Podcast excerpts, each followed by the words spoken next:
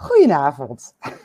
Welkom. Uh, we hebben vanavond weer een webinar van Allergie Monitor en dit keer met een MDL-arts die alles gaat vertellen over gluten, nou ja, en noem het maar op. Carolien, van harte welkom. Dankjewel. Uh, jij gaat zo meteen volgens mij jezelf helemaal voorstellen met waar je werkt en wat je doet. Dus daar ga ik me niet aan wagen. Um, als er vragen zijn, zet ze in de chat, dan kijken we mee. En um, ja, dan wilde ik de microfoon maar aan jou geven. Dankjewel Marloes. En ik ga mijn presentatie even bijpakken. Uh, even kijken, start. Als het goed is, kunnen jullie nu ook de presentatie zien. Uh, ja, welkom allemaal. Leuk dat jullie er zijn. Uh, ik ga jullie vanavond iets vertellen over ziek van gluten. Um, en met als ondertitel eigenlijk alles over de weg van klacht naar diagnose. Mijn naam is uh, Carolien Meijer. Ik ben kinderarts en gespecialiseerd in de maag-darm-leverziekte en werkzaam in het uh, Willem-Alexander Kinderziekenhuis uh, in het LUMC. Naast de klinische taken als kinder-MDL-arts doe ik ook wetenschappelijk onderzoek en met name naar een van de gluten-gerelateerde aandoeningen waar we het vanavond over gaan hebben. en dat is celiakie. Maar we gaan het vandaag breder hebben over meer gluten-gerelateerde aandoeningen. En daar komen we zo meteen verderop kom ik op terug. Van tevoren zijn er wat vragen eigenlijk gesteld die we vandaag ook gaan beantwoorden in de webinar. En dat is met name van, nou, wat is eigenlijk gluten? Welke verschillende glutengerelateerde aandoeningen of ziekten heb je? Hoe wordt de diagnose celiakie gesteld? En is een druppel bloed genoeg om celiakie te kunnen diagnosticeren? En ik geef daarna nog een overzicht van de verschillen, er staat een spelfoutje, tussen de glutengerelateerde aandoeningen.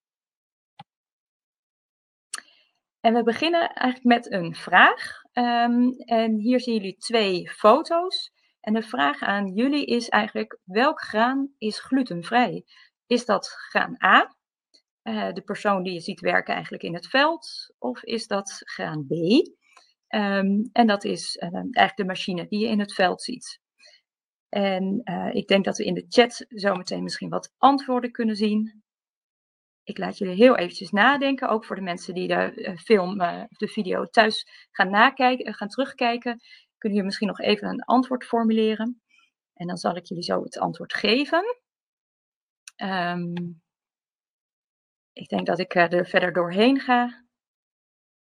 We gaan het, uh, geven eigenlijk. Het, hier zie je rijst. En rijst is glutenvrij. En hier op, oh sorry, plaatje B, jullie zien volgens mij mijn, uh, mijn pijltje niet. Uh, plaatje A is rijst, dus waar de meneer uh, of mevrouw aan het werk is in het veld. En plaatje B is tarwe, of een graan eigenlijk. Dus daar zie je gluten bevattend iets.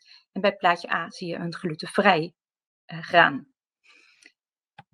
Nog één andere korte vraag aan de mensen die vandaag luisteren dan wel terugkijken. Um, wat is gluten eigenlijk? Is dat A, een eiwit?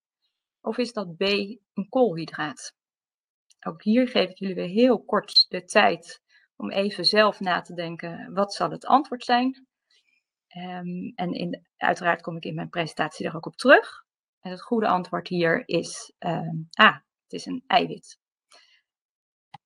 Want wat zijn gluten nou eigenlijk, of wat is gluten? Gluten is eigenlijk enkelvoud.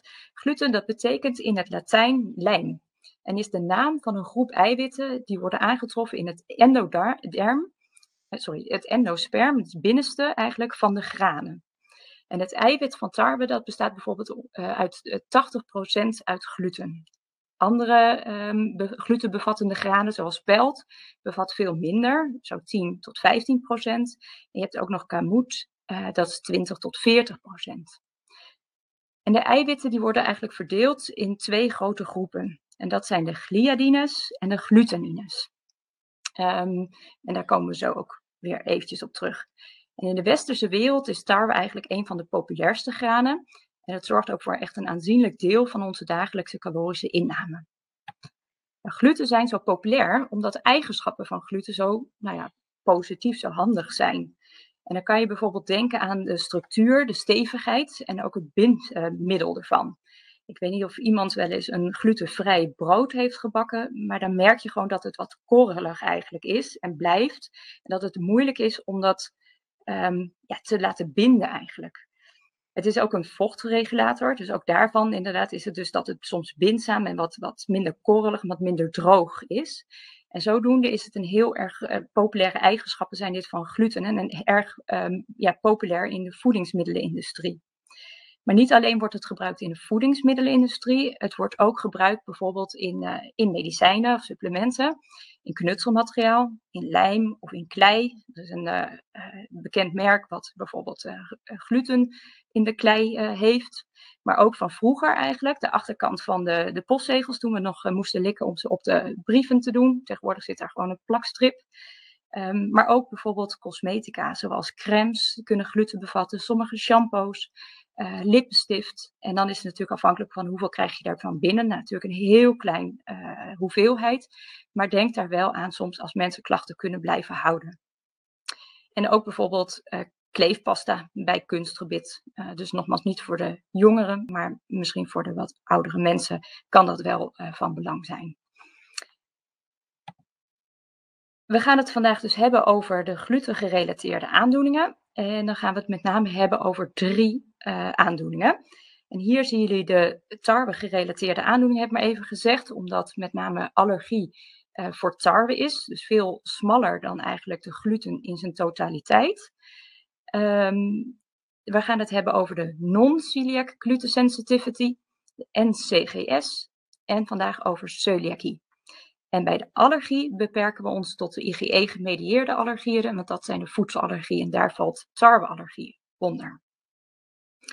Nou, wat uh, is tarweallergie eigenlijk? Want daar beginnen we nu mee. Dat is een reactie van het immuunsysteem tegen de tarwe-eiwitten. Want een allergie is eigenlijk altijd gericht tegen eiwitten. En zoals ik al had verteld, er zijn twee grote groepen eiwitten. Dat zijn de gliadines en de glutenine.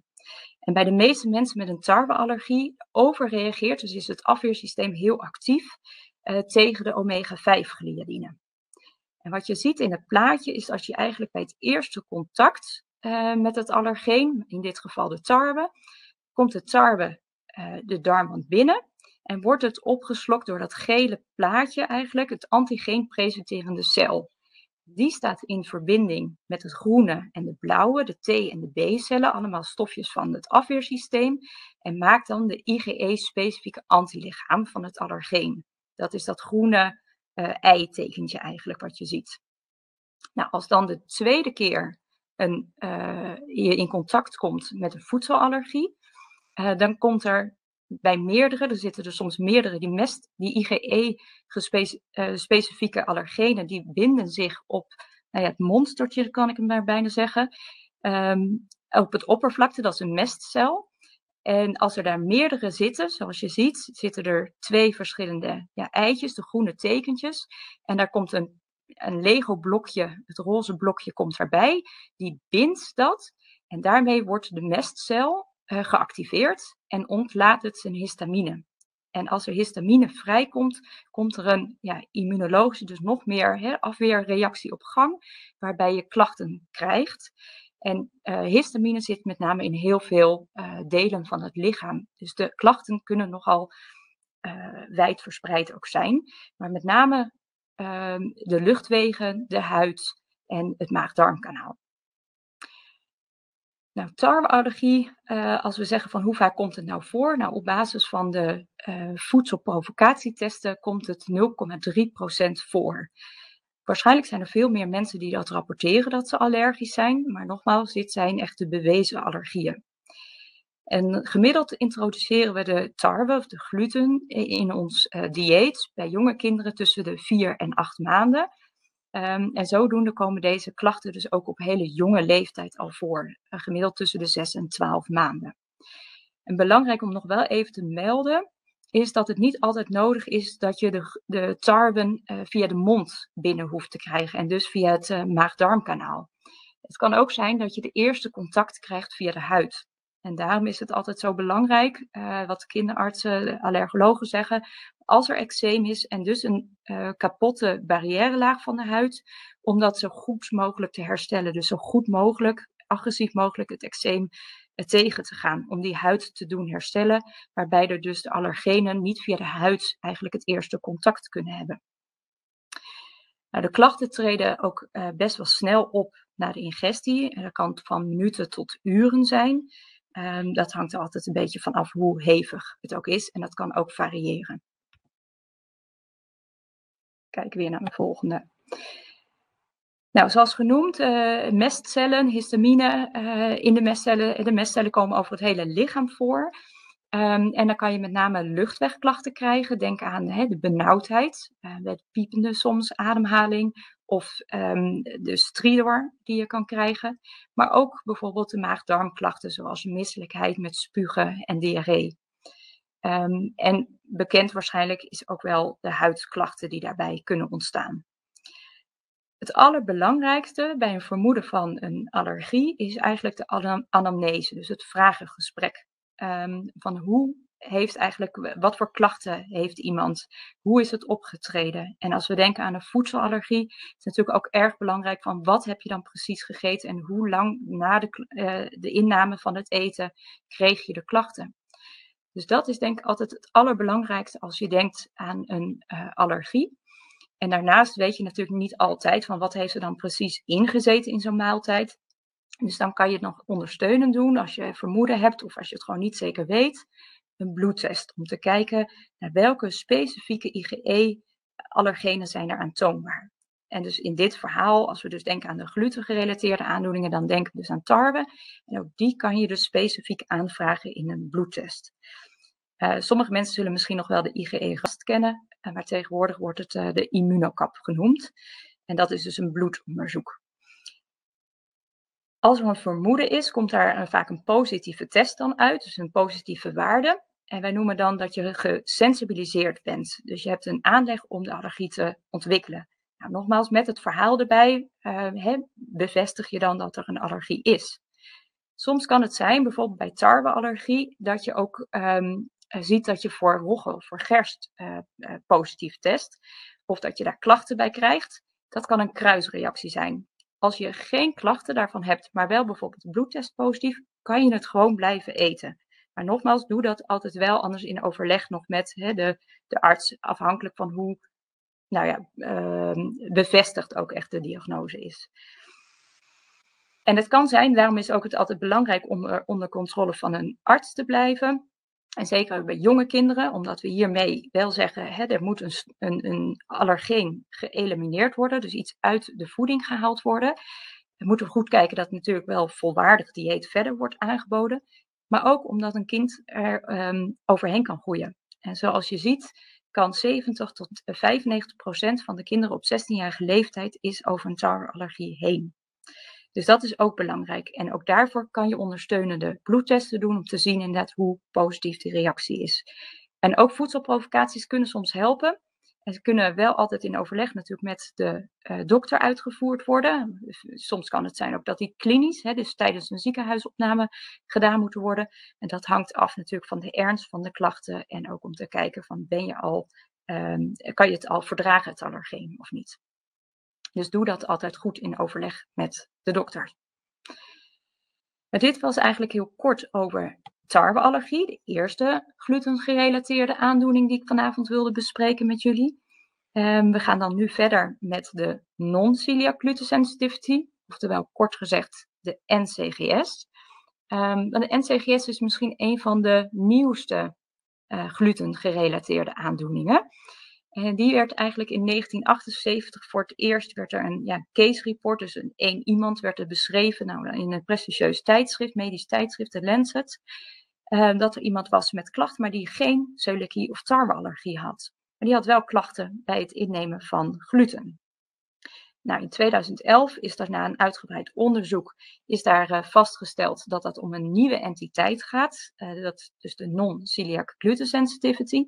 En dat werd gedaan door twee groepen eigenlijk van mensen met klachten, verdacht uh, dus op de gluten, te verdelen. En die of een placebo, um, dus een nepmiddel te geven, dan wel de gluten te geven, zonder dat de mensen wisten, de hulpverleners niet en ook de mensen die de klachten hadden, wisten niet dat ze dit, wat ze gingen krijgen. En dan objectief te rapporteren welke klachten zij kregen. En toen werd gezien dus dat deze mensen toch een groep was die dus geen celiakie en geen tarweallergie had, maar wel klachten kreeg bij het eten van nou ja, gluten. Er is wel veel discussie daarna gekomen, daar kom ik zo bij de volgende slide nog even op terug. Is dit nou echt door de gluten of is er iets anders in, uh, de voedsel, in het voedsel, in de gluten, wat dan de klachten doet veroorzaken? Als we kijken naar de prevalentie, en dus dat is weer het voorkomen van deze aandoening in de algemene populatie, hebben we geen cijfers op kinderleeftijd, maar wel volwassen leeftijd. En dan zien we dat dat nogal sterk uiteenlopend is, van 0,5 tot 6 procent. En dat komt omdat je de bewezen NCGS hebt, die dus vastgesteld is dan door middel van zo'n dubbelblinde, gerandomiseerde placebo-gecontroleerde studie. Of um, dat dat is op zelfrapportage, dat is 6%. En dan weten misschien de mensen nog wel dat je bijvoorbeeld Djokovic had, die zei dat hij zich veel beter voelde hè, na het starten van een glutenvrij dieet. Um, waarbij hij ook een, belangrijk tennistoernooi won. Of bijvoorbeeld Quennedy Paltrow, die zegt dat zij altijd jong is door het eten van, of vooral door het niet eten van de gluten. Uh, en dat zijn dus de zelfgerapporteerde uh, mensen met de NCGS. Verder is bekend dat het vaker voorkomt bij, uh, bij vrouwen dan bij mannen. Um, en nogmaals, belangrijk om over deze aandoening te praten, waarbij er nog wel heel veel onbekend is, is dat celiakie en tarweallergie uitgesloten moeten zijn. Dus er moet degelijk onderzoek zijn gedaan. Nou, exacte oorzaak eigenlijk is onbekend. Zijn het de gluten of zijn het bijvoorbeeld de fructanen, de korte keten koolhydraten, die ook in de gluten voorkomen? Um, ook dat zou goed kunnen. Er zijn het, en want dat is namelijk als je een glutenvrij dieet gaat nemen, verminder je daarmee ook de fructanen. Dus wat is wat, wie zal het zeggen? Ook is er wel literatuur te vinden over dat het mogelijk de alpha-amylase trypsine remmers zijn. En ook die inderdaad uh, remmen het uh, verteren van de eiwitten. Dus ook daarbij kan het zijn dat er misschien een verteringsprobleem en waardoor je meer klachten houdt, als dat dus niet zo is. Nou, nogmaals, het is nog allemaal onduidelijk en dus nog veel om, onderzoek denk ik naar te doen om te weten van wat is dit nou precies. Een aantal dingen lijken duidelijk en dat is met name van hoe het afweersysteem uh, erop reageert. En dat is nogmaals anders dan bij celiakie en bij tarweallergie. In dit geval lijkt het met name het aangeboren uh, afweersysteem te zijn wat erbij uh, betrokken is. En ik zal jullie zo een plaatje laten zien en dat is niet nodig om dat in detail te gaan um, bestuderen of door te gaan nemen. Ik kan hem er gelijk bij pakken.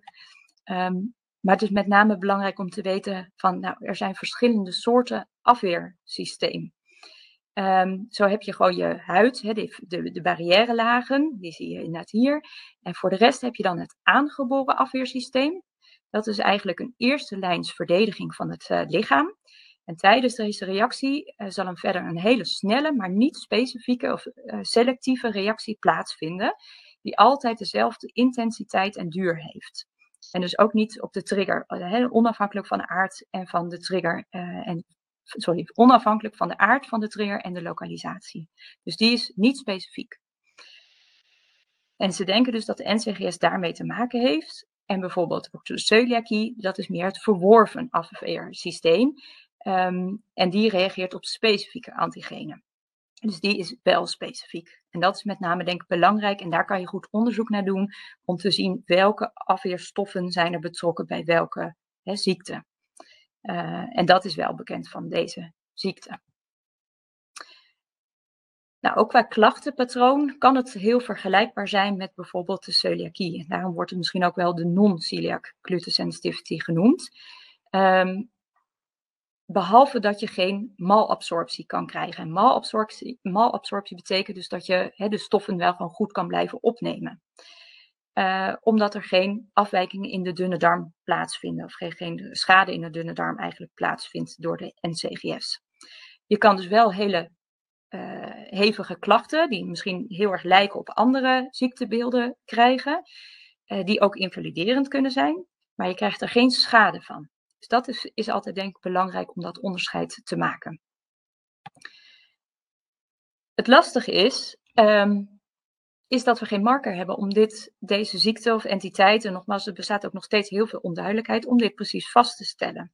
Dus dat maakt het lastig. Dus het is een diagnose die je kan stellen bij uitsluiting van andere ziektebeelden. Um, en daarbij inderdaad staat er dan, als je er echt aan denkt, uh, dat er eigenlijk een dubbelblinde placebo-gecontroleerde test moet plaatsvinden, waarbij je dus iemand gluten geeft in de ene week of een placebo en de andere, andere keer ook weer. Maar nogmaals, ook wij hier, of werkzaam natuurlijk in het LUMC, doen dat eigenlijk uh, zelden. Dat hangt er natuurlijk een beetje van af. En ook omdat glutenvrije producten uh, vrij verkrijgbaar zijn, is het soms ook moeilijk te controleren. En hangt het ook van de ziektelast van iemand af, hè, wat, je, wat je natuurlijk doet, of je glutenvrij dieet wilt volgen. Belangrijk is wel om mensen op te volgen.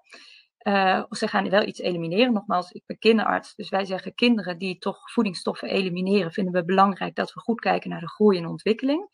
Um, dus om uh, kinderen in ieder geval op te volgen en toch te proberen één keer per zes tot twaalf maanden de gluten weer te herintroduceren. Omdat nog niet vaststaat bij dit ziektebeeld, wat is nogmaals precies de oorzaak, maar ook houdt het stand? Of is het een tijdelijk iets? Is het door bijvoorbeeld een infectie geïnduceerd, um, waardoor mensen klachten hebben?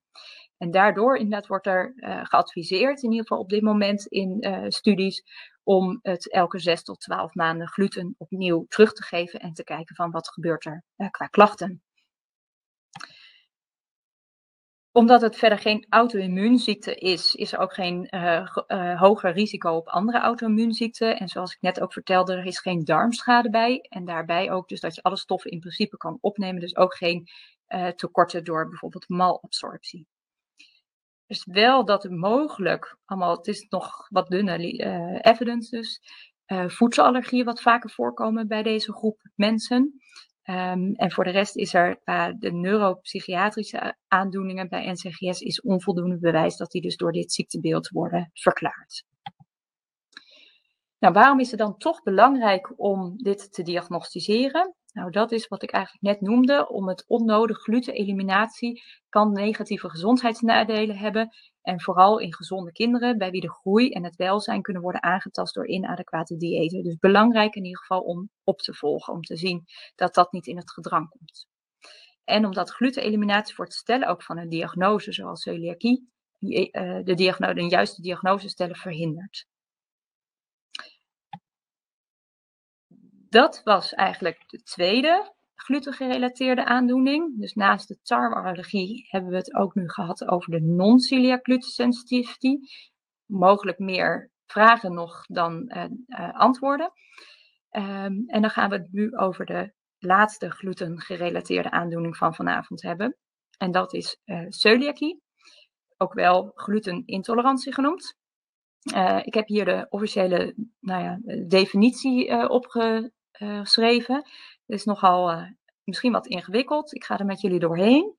Dat is een immunologisch gemedieerde, dus oftewel door het afweersysteem um, veroorzaakte systeemaandoening, dus van het hele lichaam. Die wordt veroorzaakt door de inname van gluten in genetisch gevoelige individuen. Dus mensen moeten bepaalde genen hebben om celiakie te kunnen ontwikkelen. En de ziekte wordt dan gekenmerkt door de aanwezigheid van nou, glutenafhankelijke klachten en verschijnselen door specifieke celiakie-antilichamen en door de genen en door darmafwijkingen. Dat is hoe je uh, omschrijft. Nou, wat is, waar speelt celiakie zich dan eigenlijk af? Celiakie speelt zich af in de dunne darm. En de dunne darm kan je normaal gesproken, als je dat zou willen, bereiken via dus de mond. En met een, bijvoorbeeld een scope, hè, met de endoscoop, via de slokdarm Ah, sorry, jullie kunnen mijn uh, pijltje niet zien. Ik was met mijn pijltje aan het aanwijzen. Wat je ziet is eigenlijk de slokdarm, de lange rechte buis via de borstholte, dus die naar beneden loopt, die over dat rode, ja, over de lever gaat en dan um, in de maag eindigt, um, het, het, het, bolletje. Uh, en dan via de maag kom je, de uitgang, kom je in de dunne darm. In het eerste stukje van de dunne darm, daar speelt, dus ook het stuk verder kan het nog, uh, celiakie zich af. En nogmaals, dus dit kan je via een gastroscopie, een maagonderzoek hè, bereiken. Via de maaguitgang kom je in de dunne darm. Ik zeg altijd tegen mijn patiënten, de dunne darm is wel een hele belangrijke darm, want dat is de slimme darm. De, de dikke darm, die dus na de dunne darm helemaal ligt, is eigenlijk de domme darm. Ehm, de domme darm die onttrekt eigenlijk alleen vocht en zout. Maar de dunne darm is belangrijk voor de voedselvertering en ook het opname van voedselstoffen. Ehm, dus daar, als die beschadigd is door een aandoening, kan dat gevolgen hebben.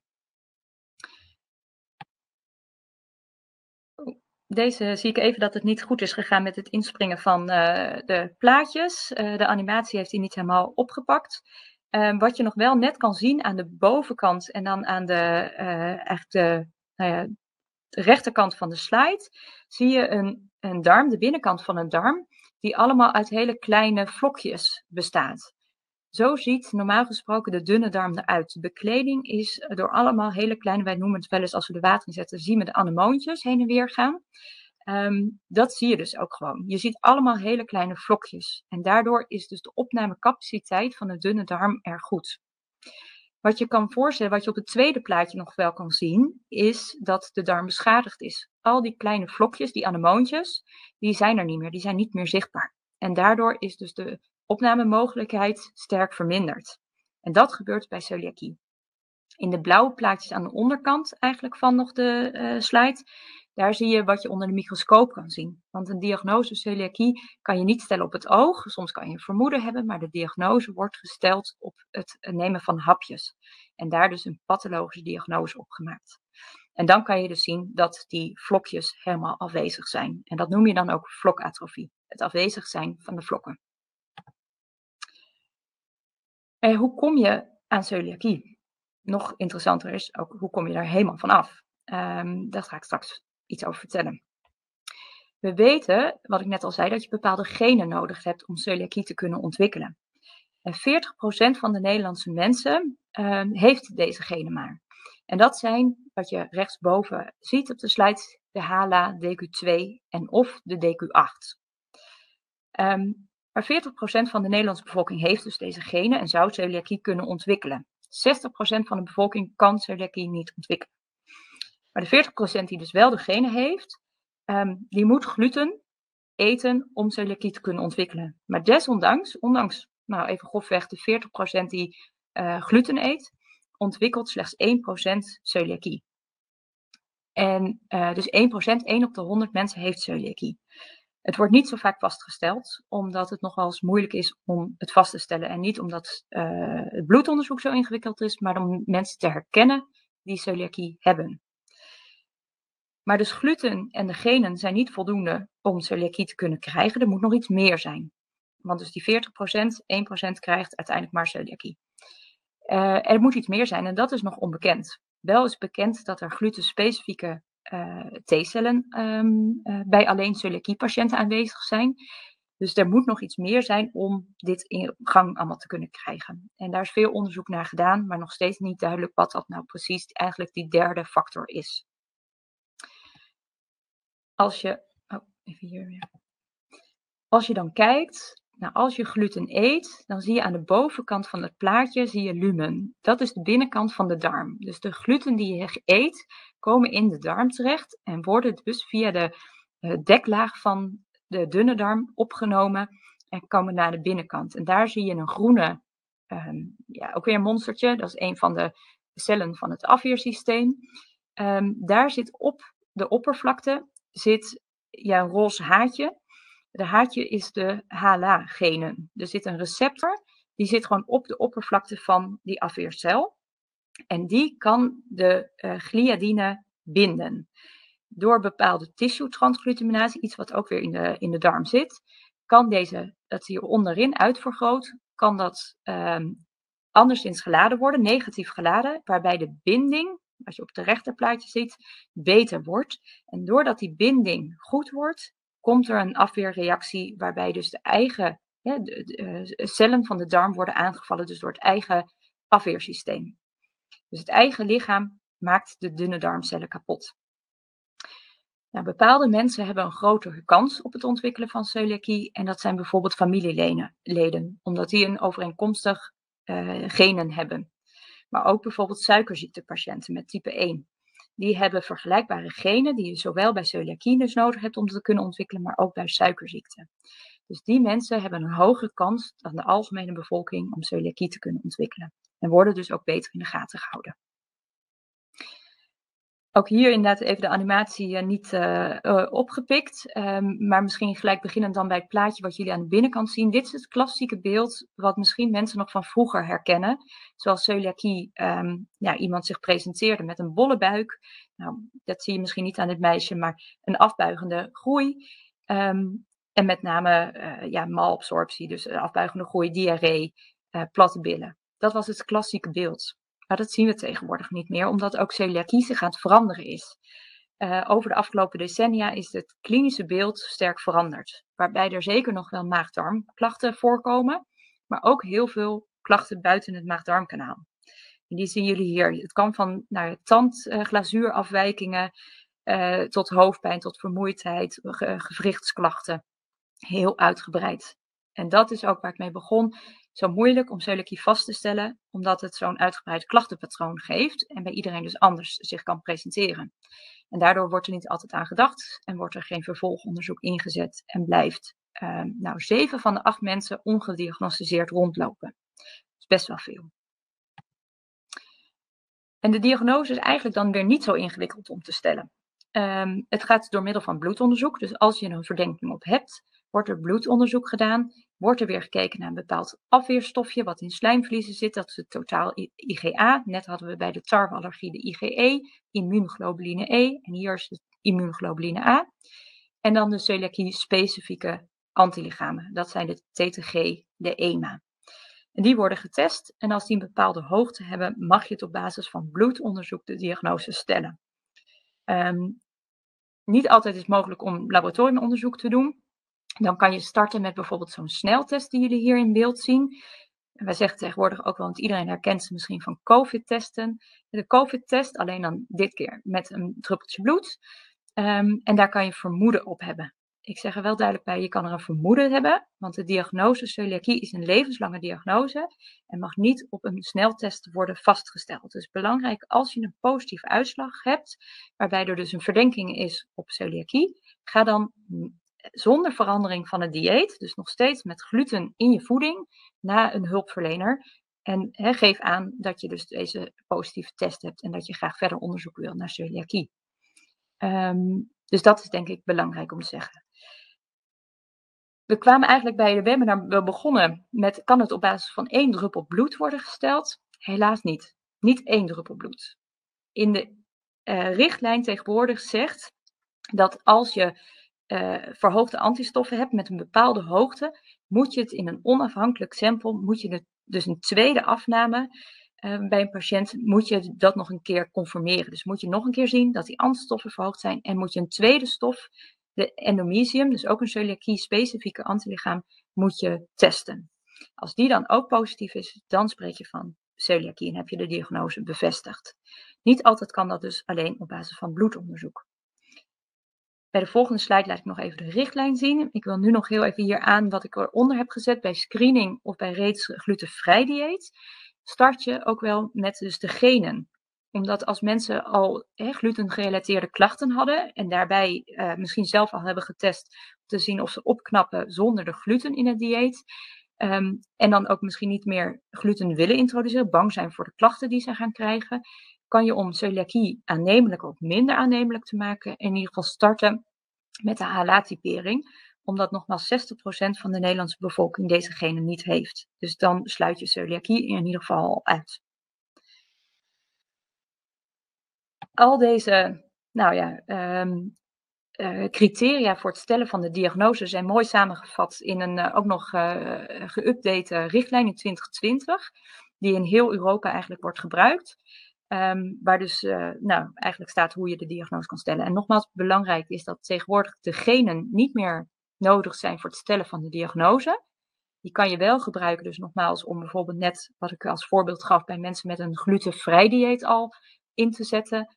Of om te kijken wat de kans is op het ontwikkelen van celiakie bij bijvoorbeeld kinderen die, of, of volwassenen die behoren tot een van de risicogroepen. Zoals familieleden, maar ook suikerziektepatiënten daar kan je het voor gebruiken.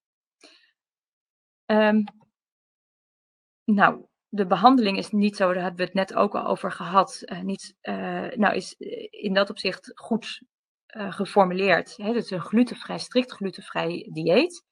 Um, wat best een uitdaging is. Ik weet niet of u zelf misschien straks nog even in het keukenkastje kan kijken, maar er zijn best wel wat producten waar je toch onverwacht misschien gluten in zitten. Um, dus het is in het begin denk ik een uitdaging. Als je eenmaal weet waar je op moet letten, word je daar natuurlijk ja, handiger in en gaat dat veel sneller. Um, en wij zeggen altijd dat het belangrijk is, maar nogmaals, als de populatie van kinderen, om dat met een gespecialiseerde diëtist te doen, omdat wij te maken hebben met kinderen die in groei en ontwikkeling zijn. Dus dat we goed kijken naar de volwaardigheid van de voeding die zij overhouden na het elimineren van gluten. Uh, en dat hebben we met name als hè, korte termijn is het verminderen en het voorkomen van klachten. En het lange termijn is de complicaties voorkomen. En dat doen we door, door het monitoren van met name de celiakie-antistoffen. Want als je de gluten uit het dieet haalt, dalen de antistoffen en worden die negatief. Negatieve antistoffen betekenen ook dat de darm weer volledig is hersteld. Dus die anemoontjes die je zag, die zijn ook dan weer helemaal terug. En daar wordt in principe dan geen onderzoek naar gedaan. Nogmaals, als de diagnose is gesteld op basis van bloedonderzoek volgens de richtlijn, wordt er verder ook geen onderzoek naar gedaan, uh, worden er geen hapjes genomen. Er zijn wel bepaalde gevallen als je dus niet voldoet aan bijvoorbeeld een bepaalde hoogte van de antistoffen, wordt er geadviseerd om nog hapjes te nemen van dus de dunne darm, om onder de microscoop te kijken of je dus te maken hebt met die vlokatrofie. Ook dan wordt het gevolgd op uiteindelijk de antistoffen en natuurlijk op de klachten en de kwaliteit van leven, hoe het met de patiënt gaat. Nou, ook wat je dan precies moet volgen in, uh, tijdens uh, controlebezoeken staat mooi geformuleerd in een recente, voor het eerst eigenlijk geformuleerd in een richtlijn, de position paper van de Europese um, kinder-MDL-artsen. en die is voor iedereen in principe verder beschikbaar daar staat bijvoorbeeld in dat je, als het verder geen klachten zijn, de groei goed gaat, uh, antistoffenkrachten dalen. Dus dat je het alleen bij antistoffen kan houden. En dat je geen verder onderzoek hoeft te doen. Ook niet naar uh, voedingsdeficiënties. Nogmaals, afhankelijk alleen bij één dieet. Als het alleen het glutenvrij dieet is, is dat niet nodig. Als meerdere diëten worden gevolgd, is dat natuurlijk afhankelijk van um, ook diëtetaire analyse. Ik ga kort nog even uh, uitweiden over de preventiemogelijkheden. Um, hoogstwaarschijnlijk is er bij de allergiemonitor nog wel eerder over de, ook de allergie ge gesproken, over de preventie. Vandaag wil ik jullie nog iets vertellen over de preventiemogelijkheden van celiakie. Um, en preventie kan je eigenlijk altijd onderverdelen in drie vormen. En dat is primaire preventie, het voorkomen van ziekte. Secundaire preventie, als je een ziekte niet kan voorkomen, moet je het wel in vroeg uh, vroegstadium eigenlijk kunnen opsporen. Nou, hoe stel je dan vroeg de diagnose en ook hè, behandeling, waardoor je misschien klachten en complicaties kan voorkomen. En ook de tertiaire preventie door het verminderen en voorkomen van complicaties door adequate behandeling.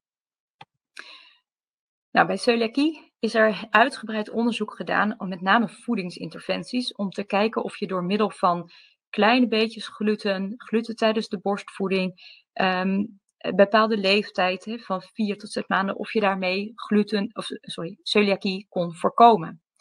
Helaas hebben al deze voedingsinterventies tot op heden geen primaire preventie gebracht. Wel is er ook gekeken naar zijn er andere factoren, want ik noemde, je hebt de genen nodig, de gluten nodig en een derde onbekende factor. Zijn er bijvoorbeeld infecties hè, die het afweersysteem aanzetten, waarbij dan misschien het afweersysteem zich vergist? Daar is nog uh, eigenlijk onvoldoende bekend over. Er zijn een aantal infecties die heel erg het gluten-eiwit mimiken, dus heel erg erop lijken. Zou het kunnen dat mogelijk het afweersysteem zich dan heeft vergist, hè, dat het niet het, de infectie meer aanvalt, maar dan op dat moment de gluten. En je zodoende de tolerantie verliest. Dat is allemaal nog onduidelijk en wordt onderzoek naar gedaan. hopelijk over een aantal jaar dat daar een antwoord op is. En uh, wat ook heel erg uh, bij ook andere ziekten natuurlijk, ook bij allergie, uh, wordt onderzocht of het microbiota, of dat ermee te maken heeft, de samenstelling hè, van de goede slechte bacteriën. En ook daar is voor celiakie eigenlijk nog onvoldoende over bekend. En dus samenvattend is er veel onderzoek gedaan. Jullie zien hier de, eigenlijk alles wat bekeken is, maar is er nog geen mogelijkheid om celiakie echt te kunnen voorkomen. En als dat niet mogelijk is, ga je altijd kijken naar secundaire preventie. En bij secundaire preventie zijn we een stukje verder. Want de secundaire preventie is wel degelijk mogelijk. Uh, zo weten we dat er een aantal groepen zijn dus die een hoger risico hebben op het ontwikkelen van celiakie. Ehm, dat zijn dus de kinderen die je kan screenen, die je kan bekijken. Grote gedeeltes, grote groepen eigenlijk van deze populatie heeft een van de, de HLA, uh, dus een van de genen om het te kunnen ontwikkelen. Um, maar dan heb je nog steeds dat je bepaalde factoren hebt waarmee je een grotere of een kleinere kans hebt om te kunnen celiakie te kunnen krijgen. En daarmee dus hoe strikt je iemand in de gaten moet houden. Um, dat laat ik jullie hier zien. Dat is een van onze ja, onderzoeken vanuit Leiden ook gecoördineerd, Europese um, studie. Uh, waarbij kinderen tien jaar lang al zijn gevolgd vanaf de geboorte en initieel een voedingsinterventie hebben gehad. Um, nou, uiteindelijk dat dus niet heeft uitgemaakt voor het voorkomen van celiakie. Maar deze kinderen daarna ook nog zijn gevolgd om te kijken, zijn er andere factoren die bijvoorbeeld van invloed zijn op het ontwikkelen. En dan zie je bijvoorbeeld in het bovenste plaatje nou, wat wel bekend ook is, is dat meisjes gewoon een grotere kans hebben op het ontwikkelen van uh, celiakie. En dat is bekend uh, bij eigenlijk veel auto-immuunziekten, dat vrouwen een hogere kans hebben dan de mannen. Maar je ziet ook dat celiakie zich op een hele jonge leeftijd eigenlijk al manifesteert. Um, dus dat het vroeg begint in het leven. Op het onderste plaatje zie je al die kleurtjes corresponderen met een van de bepaalde genen, combinaties van genen dat het ook uitmaakt welke genen je hebt, hoe groot jouw kans is op het ontwikkelen van celiakie. Zo zie je die bovenste lijn, de, de, de roze paarse lijn, dat dat kinderen zijn die hebben twee keer een DQ2.5. Nou, dat is een beetje een technisch verhaal. Maar twee keer um, bepaalde genen die de grootste kans hebben om celiakie dus te ontwikkelen. En die kinderen hou je dus ook strenger in de gaten, strikter in de gaten, uh, om te zien of zij geen celiakie ontwikkelen. Nou, zo zijn er dus ook wel manieren om toch vroeg de diagnose te kunnen stellen om te eh, voorkomen dat kinderen ziek worden. En uh, op basis van de factoren die ik je net toonde, uh, zie je hier ook dat je een predictiemodel, een voorspelmodel kan maken. Hoe groot is dan de kans voor zo iemand? En nogmaals, dit is alleen voor nu gevalideerd in de hoogrisicogroepen en nog niet voor de algemene populatie. Dus dat is denk ik wel belangrijk om te melden. Daar wordt naar gekeken of dat eventueel ook kan. Want wat wij hebben gezien is in de algemene populatie hebben we een studie recent gedaan in regio Kennemerland in Noord-Holland. En hebben we gekeken of we met actief zoeken op de consultatiebureaus uh, door middel van een vragenlijst met klachten, of we kinderen sneller konden opsporen. En dat is gebleken dat dat kan. We vroegen uh, ouders eigenlijk van kinderen naar gewoon hele ja, veel voorkomende klachten, zoals buikpijn, allemaal wel mooi gedefinieerd hoor, maar buikpijn, diarree, obstipatie. Nou, de jeugdarts keek naar de groei. En als ze dan een van die klachten hadden, kregen zij zo'n sneltest, die ik in het begin ook toonde, kregen, hè, die COVID-test, kregen zij aangeboden. En als die positief was, werden zij verwezen naar uh, het LUMC voor verder onderzoek en werd de diagnose vastgesteld volgens de algemene richtlijn. En daarin werd gezien dat dit dus een mogelijkheid was. Oh, hier zie je hem, sorry nog. Um, ik ga even naar de volgende. Dat dit een mogelijkheid was om de celiakie vroegtijdig op te sporen. Um, deze kinderen hadden wel klachten, maar velen hebben geen hulpverlener geraadpleegd vanwege de klachten. En we vonden zo tien keer meer uh, celiakie-diagnoses dan via de uh, reguliere zorg. Dus als je zoekt, als mensen zich melden bij de hulpverleners. En zo kan je dus klachten in ieder geval en met name ook complicaties voor lange termijn voorkomen. Um, nu heb ik eigenlijk in vogelvlucht drie gluten-gerelateerde aandoeningen met jullie uh, doorgenomen. Ik heb ze hier nog even op, uh, maar wel met uh, dank aan een artikel gepubliceerd door een van de kinderallergologen Verheggen. hier staan de drie gluten-gerelateerde aandoeningen nog een keer op een rij. Hoe vaak komen ze nou voor? Bij welke leeftijd? Welke biomarkers zijn er? Welke diagnostiek? Wat is de behandeling? En ook wat is de prognose? Dus hier een korte samenvatting van waar ik uiteindelijk uh, drie kwartier over heb gedaan.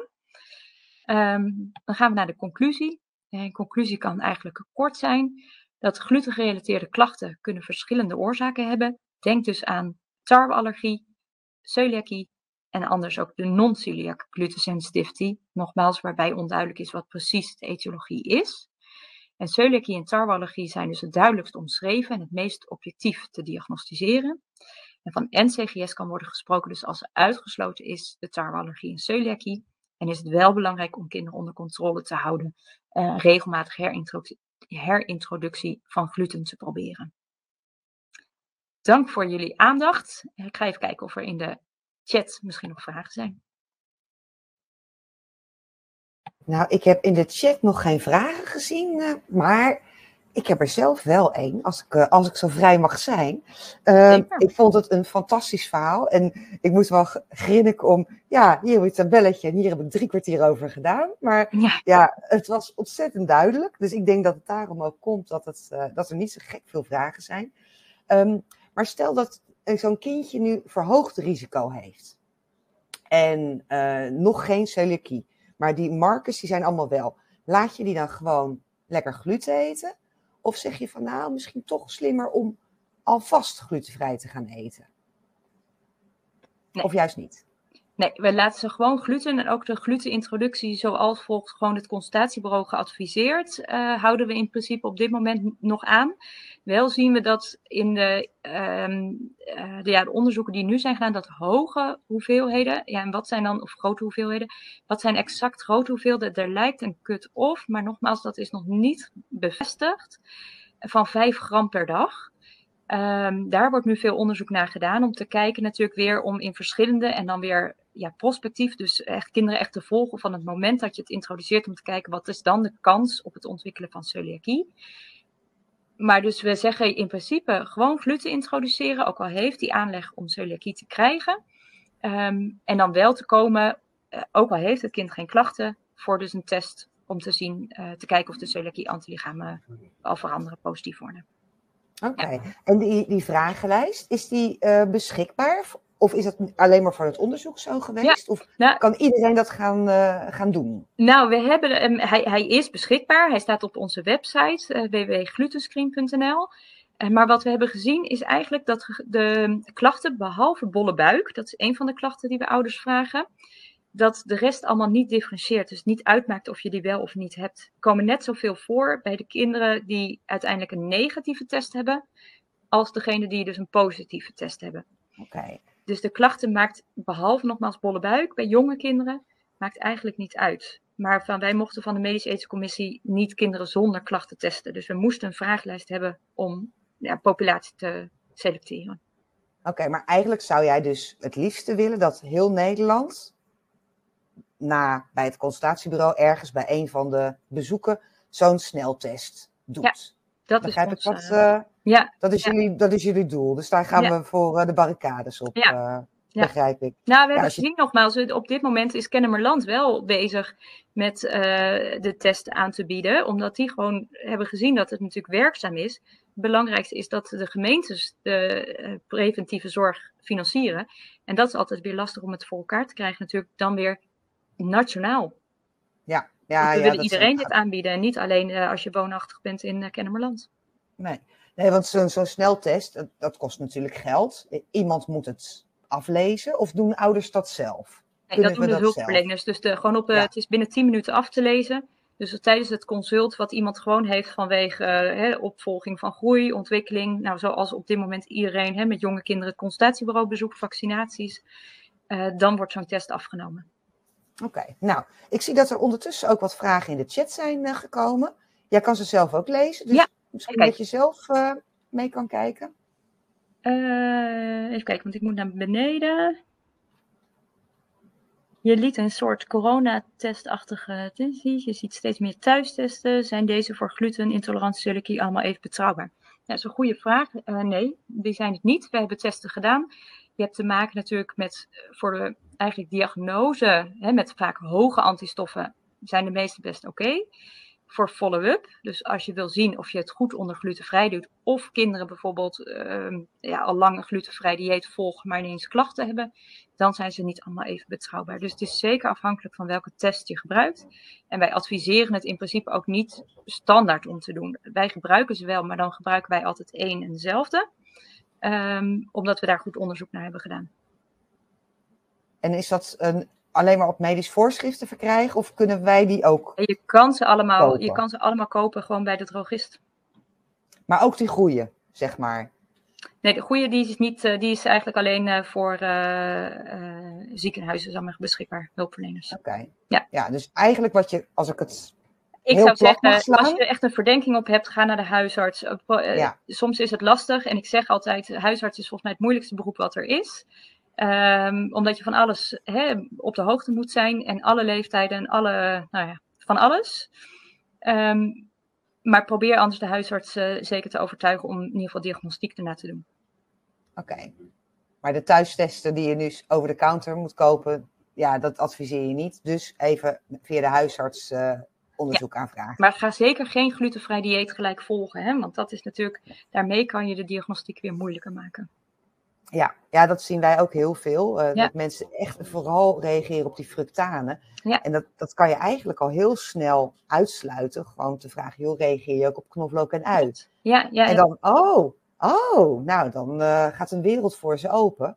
En het scheelt zoveel. We hebben toevallig, wilden wij krompoezen maken. Oh ja. En je kent ze wel, maar dan de glutenvrije. Gewoon om te laten zien dat dat ook kan.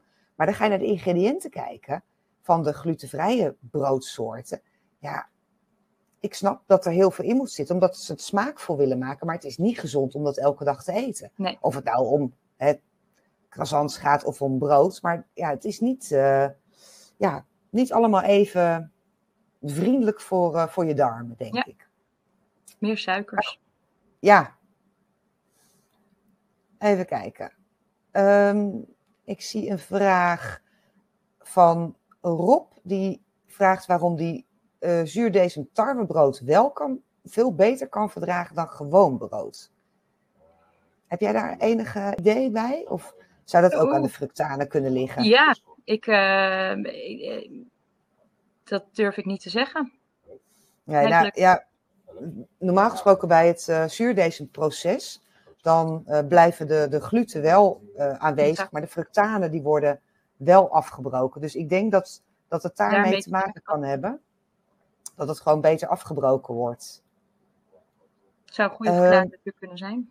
Ja, Ehm, even kijken. Of er sneltesten ook zijn voor volwassenen? Dat Nou, maakt denk ik niet uit, hè? Zijn, de- ja, zijn ze natuurlijk voor iedereen. eh, ja, maakt niet, eh, niet afhankelijk van leeftijd. Het zijn geen speciale babytesten die jij eh, gebruikt hebt. Nee. Ehm, Nee. gewoon antistoffen. En wel, denk ik, goed nog om te melden is, hè, bij kinderen kunnen wij al sinds 2012 de diagnose celiakie op basis van bloedonderzoek stellen. Nogmaals, wel via strikte criteria. Bij volwassenen is dat nu ook al. Alleen zeggen we altijd, hè, de literatuur is daarvan overtuigd dat het kan. Ehm, wel is het dat je soms bij volwassenen natuurlijk ook met andere aandoeningen te maken hebt die je bij toeval vindt. Dus er is een selecte groep. Ehm, en de implementatie, dat merk je altijd, is van hè, literatuur naar de kliniek, duurt altijd even. Maar er is eh, eh, aan, aangetoond dat dat ook bij volwassenen op basis van bloedonderzoek in principe gesteld kan worden, mits je ook weer voldoet aan bepaalde criteria.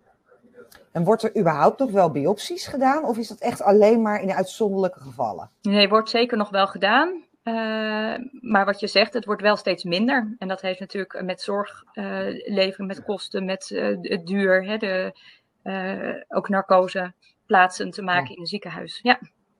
Ja, nou, ik denk en dat het de veel net is. zo goed is, eh, bloedonderzoek, hè, laboratoriumonderzoek, ja, dan hoef je ook daarmee geen risico's te lopen. Maar nogmaals, het is wel een ziekte voor het leven, dus we zeggen altijd, het moet wel echt goed gesteld worden. Dus als je twijfelt, moet je overgaan tot dunne darmbiopte. Ja, want het gaat niet over, hè? Het Gaat niet eh, over. Nee. Nee. nee. Ehm, even kijken. Er is nog één vraag hier over een afwijking met schildklier. Is daar Ja. een relatie mee? Je had het over, eh, over diabetes type 1.